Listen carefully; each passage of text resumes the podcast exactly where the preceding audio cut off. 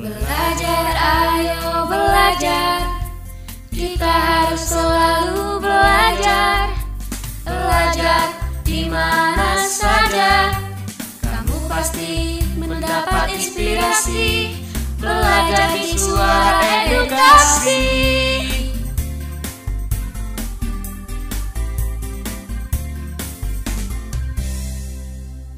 Terima kasih. Harap tenang, Wassalamualaikum warahmatullahi wabarakatuh. Terima kasih. Baik, Baik. kita berikan apresiasi Kita kepada apresiasi calon pemimpin. Indonesia.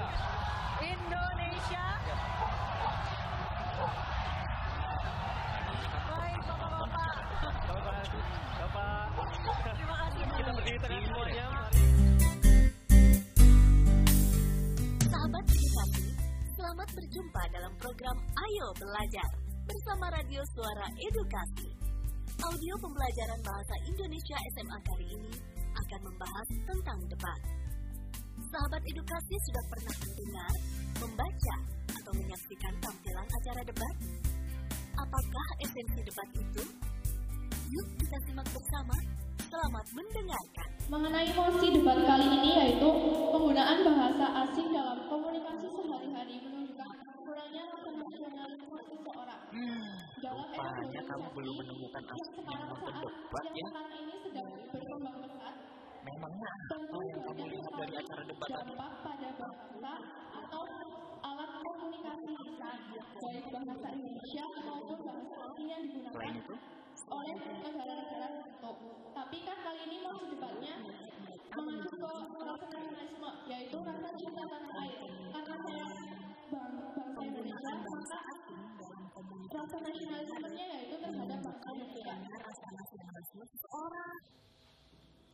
Saya akan menanggapi apa yang dikatakan oleh tim Pro yang pembicara dua tadi membicarakan masalah kalau bahasa asing digunakan dalam kehidupan sehari-hari misalnya di sekolah sedangkan makin lama akan dua kelompok tadi membicarakan tentang penggunaan bahasa asing dalam komunikasi sehari-hari.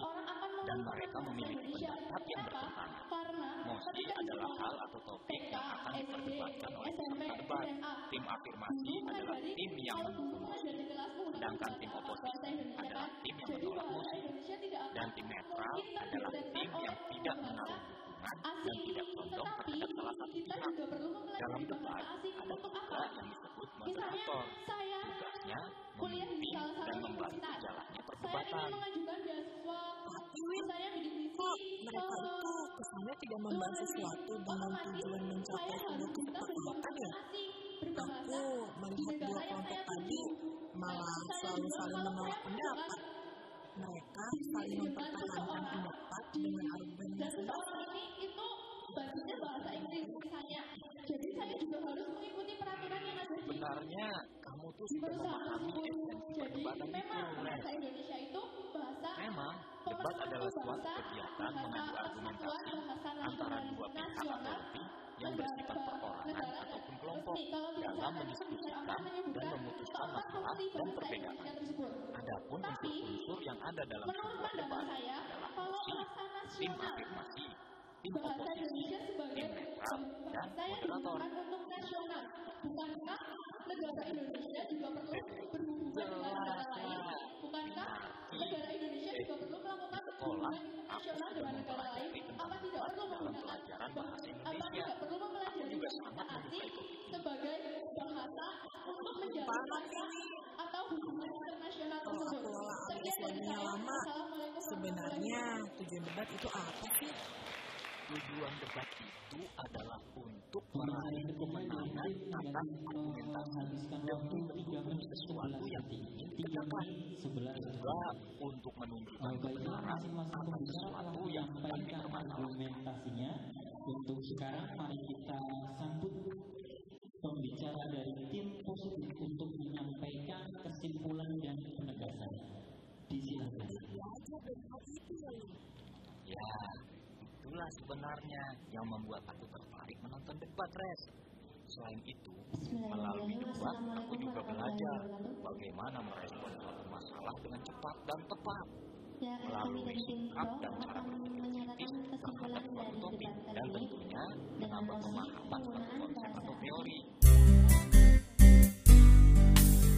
Sahabat edukasi, debat adalah suatu kegiatan mengadu argumentasi antara dua pihak atau lebih yang bersifat perorangan ataupun kelompok.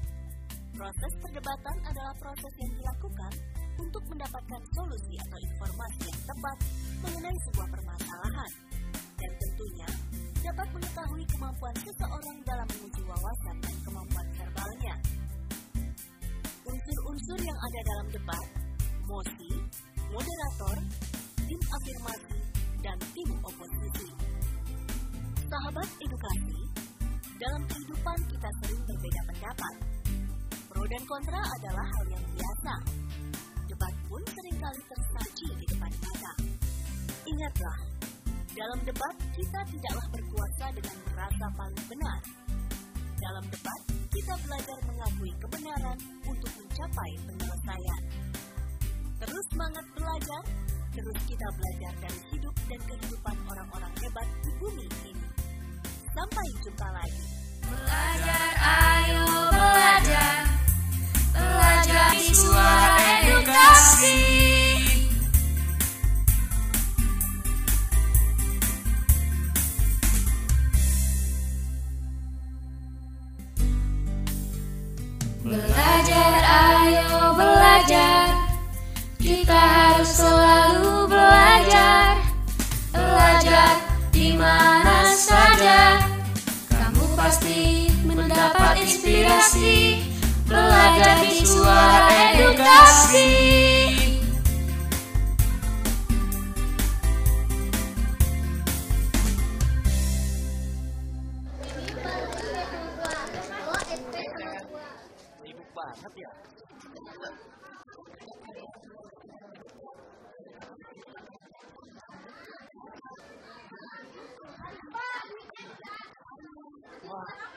tuh, Sir. Tapi ada satu hal yang sangat penting dalam menyelenggarakan lomba debat, Sir. Mosi.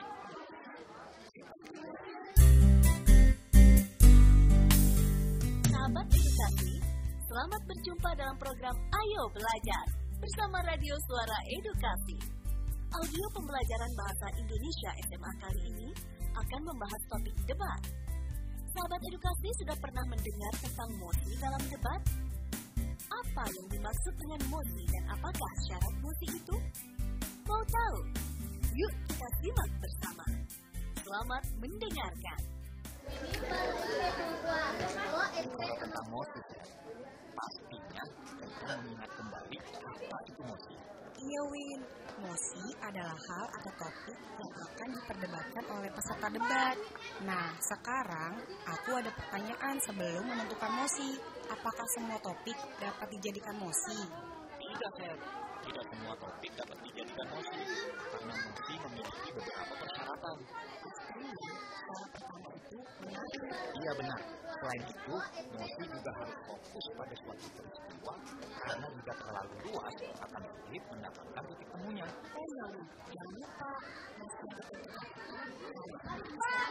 Terkait dengan hal itu, dari penunjukan mosi sebenarnya tidak terlihat tujuan dari debat ya.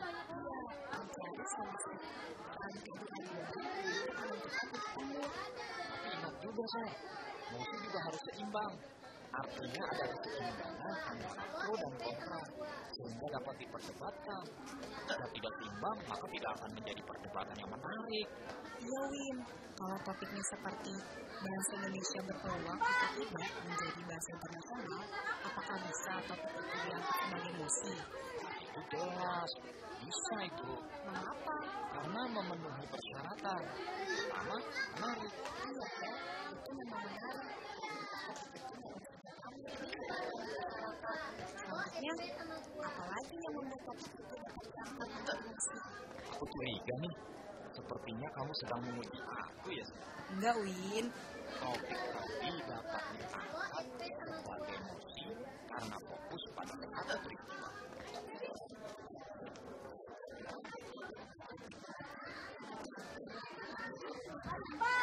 Selanjutnya, Ah, aku tahu ada pendapat yang pro atau setuju akan pernyataan itu. Sebaliknya ada yang kontra, yaitu yang gak setuju. Hal itu akan menjadikan perdebatan menarik karena pihak yang pro dan kontra akan mengemukakan argumennya untuk mempertahankan pendapat mereka, Win. Kamu pasti udah paham semua. Oke, sekarang kita diskusikan mosi-mosi apa yang akan kita Siap, Win. Ayo kita diskusi. Sahabat edukasi, mosi adalah salah satu unsur utama dalam debat. Mosi adalah hal atau topik yang akan diperdebatkan oleh peserta debat. Tidak semua topik dapat dijadikan sebuah mosi dalam kompetisi debat. Berikut beberapa syarat sebuah mosi yang baik. Mosi harus menarik. Mosi harus fokus pada suatu peristiwa. Mosi pada umumnya harus memiliki solusi atau solusinya dapat ditemukan. Mosi harus seimbang atau adanya keseimbangan antara pro dan kontra sehingga dapat diperdebatkan. Mosi akan melahirkan perdebatan yang seimbang antara yang pro dan kontra. Mosi akan mengarah pada solusi. Terus semangatlah belajar. Sampai jumpa di lain waktu dengan topik yang tak kalah menarik dalam acara yang sama. Sampai jumpa lagi. Belajar, ayo belajar. Belajar di suara edukasi.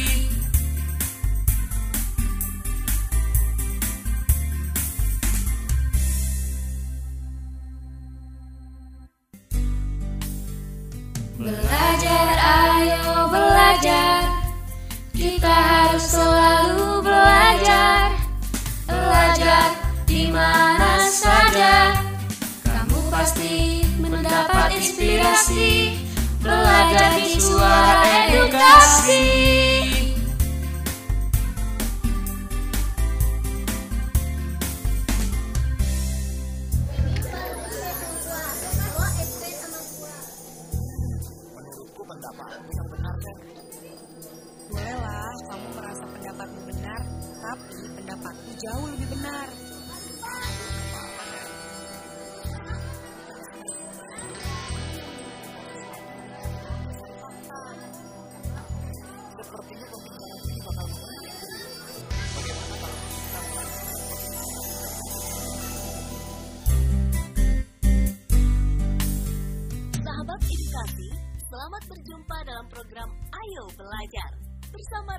Suara Edukasi.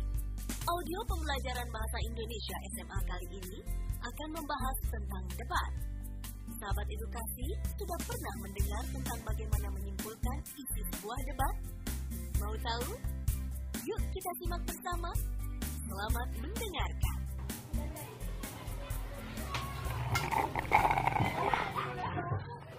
Setelah minum yang dingin-dingin itu, aku yakin kamu pun akan lebih mampu berpikir kepala dingin.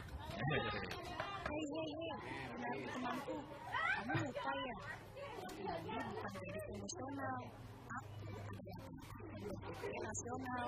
Aku selalu dilandasi fakta dan data yang akurat. Kuat ketika. Aku bukan wanita.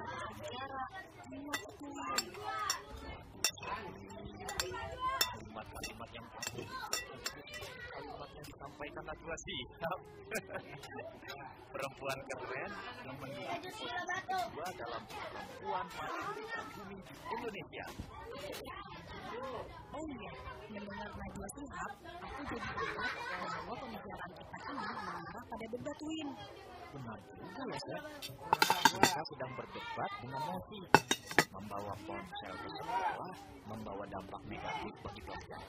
Iya, kamu sebagai pihak afirmatif, yaitu pihak yang setuju terhadap hal yang diperdebatkan. Sedangkan kamu sebagai pihak oposisi adalah pihak yang tidak setuju atau menentang mosi yang diperdebatkan. Baiklah, kamu sebagai tim afirmasi, silakan kemukakan pendapatmu. Membawa HP ke sekolah akan membawa dampak negatif bagi pelajar karena tiga alasan. Pertama, aplikasi. fitur yang tersedia di smartphone dapat mengganggu konsentrasi belajar siswa. Banyak loh siswa yang terkadang diam-diam bermain HP saat kegiatan belajar mengajar berlangsung. Kedua, smartphone dapat digunakan untuk hal-hal yang negatif dengan membuka situs yang tidak layak. Yang ketiga, internet dalam smartphone juga dapat digunakan untuk menyontek. Itulah argumenku. Nah, sekarang gilirannya saya sebagai pihak oposisi.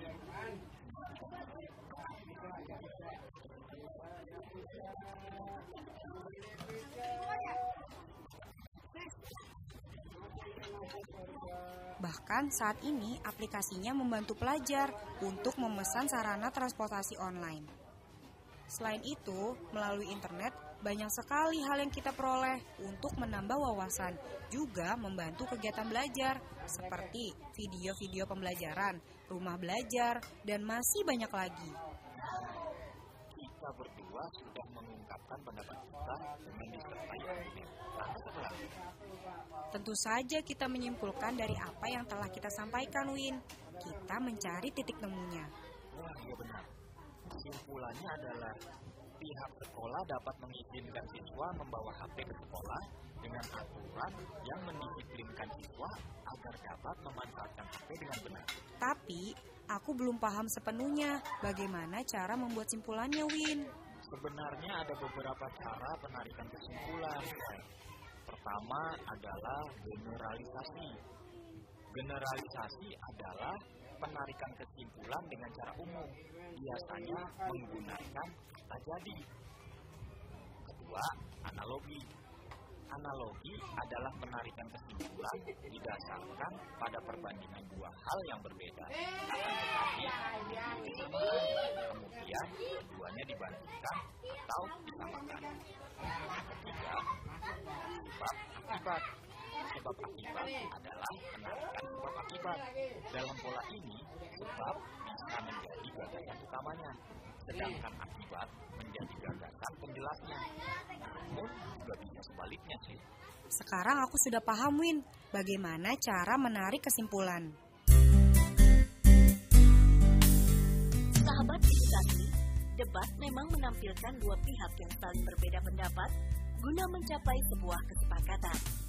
Akhir sebuah debat adalah adanya kesimpulan. Ada beberapa cara penarikan kesimpulan dalam debat, yaitu generalisasi, analogi, dan sebab akibat. Perdebatan dalam kehidupan adalah bagian dari pembelajaran. Melalui perdebatan, kita belajar menghargai perbedaan. Pro dan kontra akan mengajarkan kepada kita bagaimana yang berbeda memberi warna. Terus semangat belajar, sampai jumpa di lain waktu dengan topik yang tak kalah menarik dalam acara yang sama. Sampai jumpa lagi. Belajar, ayo belajar. Belajar di suara edukasi.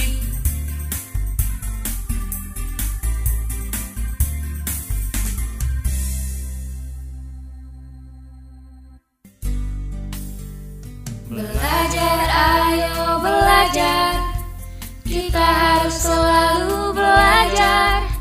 Belajar di mana saja. Kamu pasti mendapat inspirasi. Belajar di suara edukasi.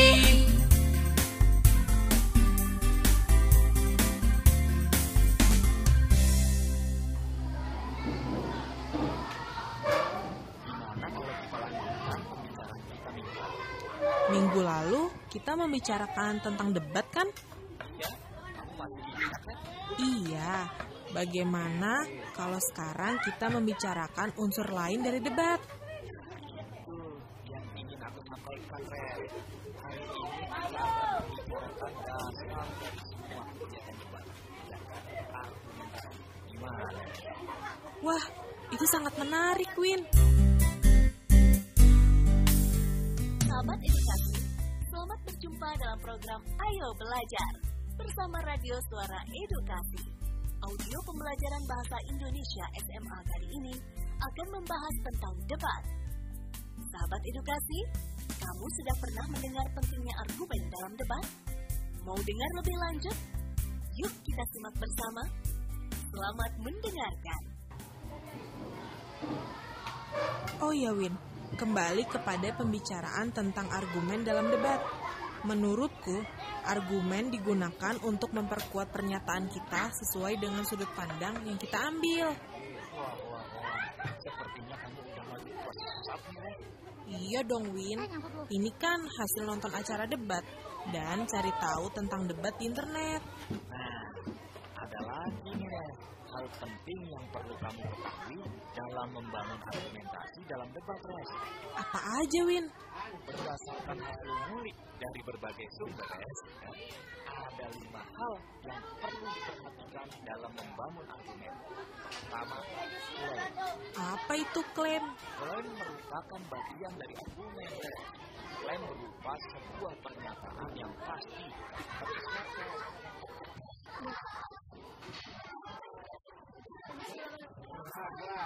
menunjukkan kurangnya rasa nasionalisme seseorang dapat dianggap sebagai klaim.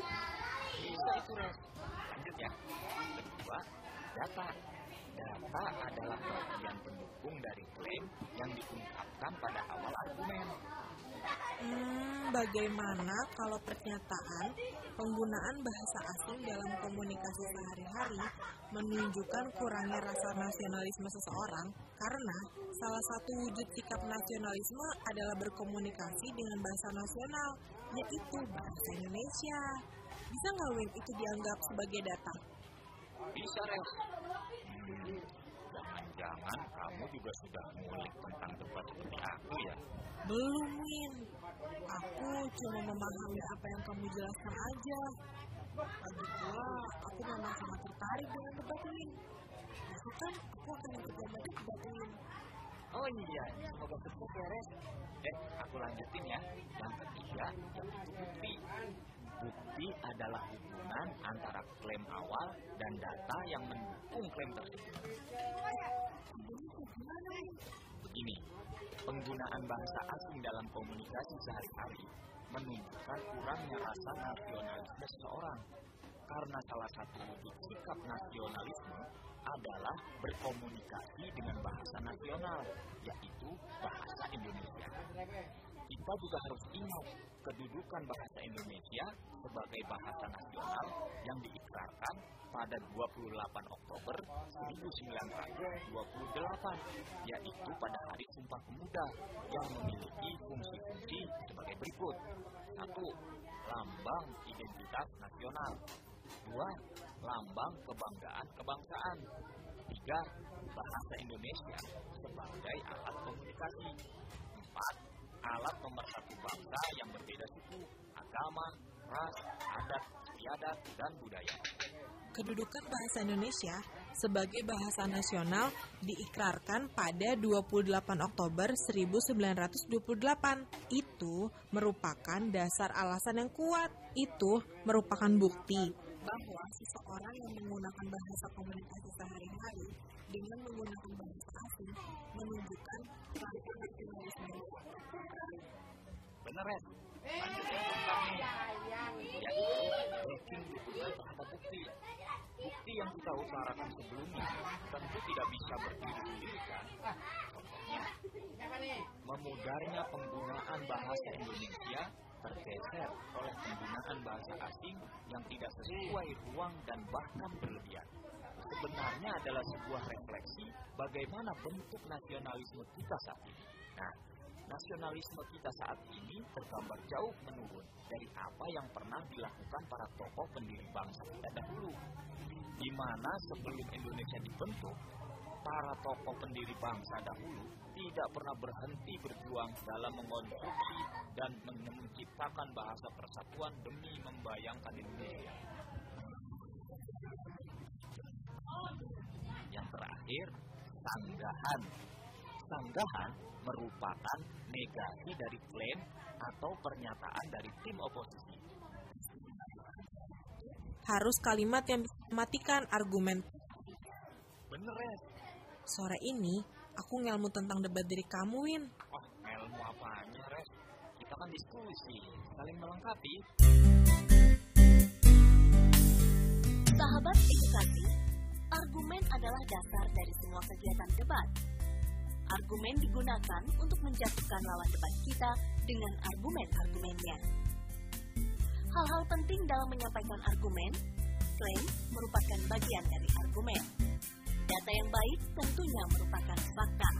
Sanggahan merupakan negasi dari klaim atau pernyataan dari tim oposisi. Debat membutuhkan kecerdasan, kecermatan, dan kemampuan berbicara yang handal. Itu semua dapat dilakukan dengan belajar dan berlatih. Berdebat adalah beradu argumen. Ingat, debat itu mencerdaskan, bukan memaksakan. Terus semangat belajar, sampai jumpa di lain waktu dengan topik yang berbeda dengan acara yang sama. Sampai jumpa lagi. Terima kasih. Belajar, ayo belajar. Belajar di suara edukasi.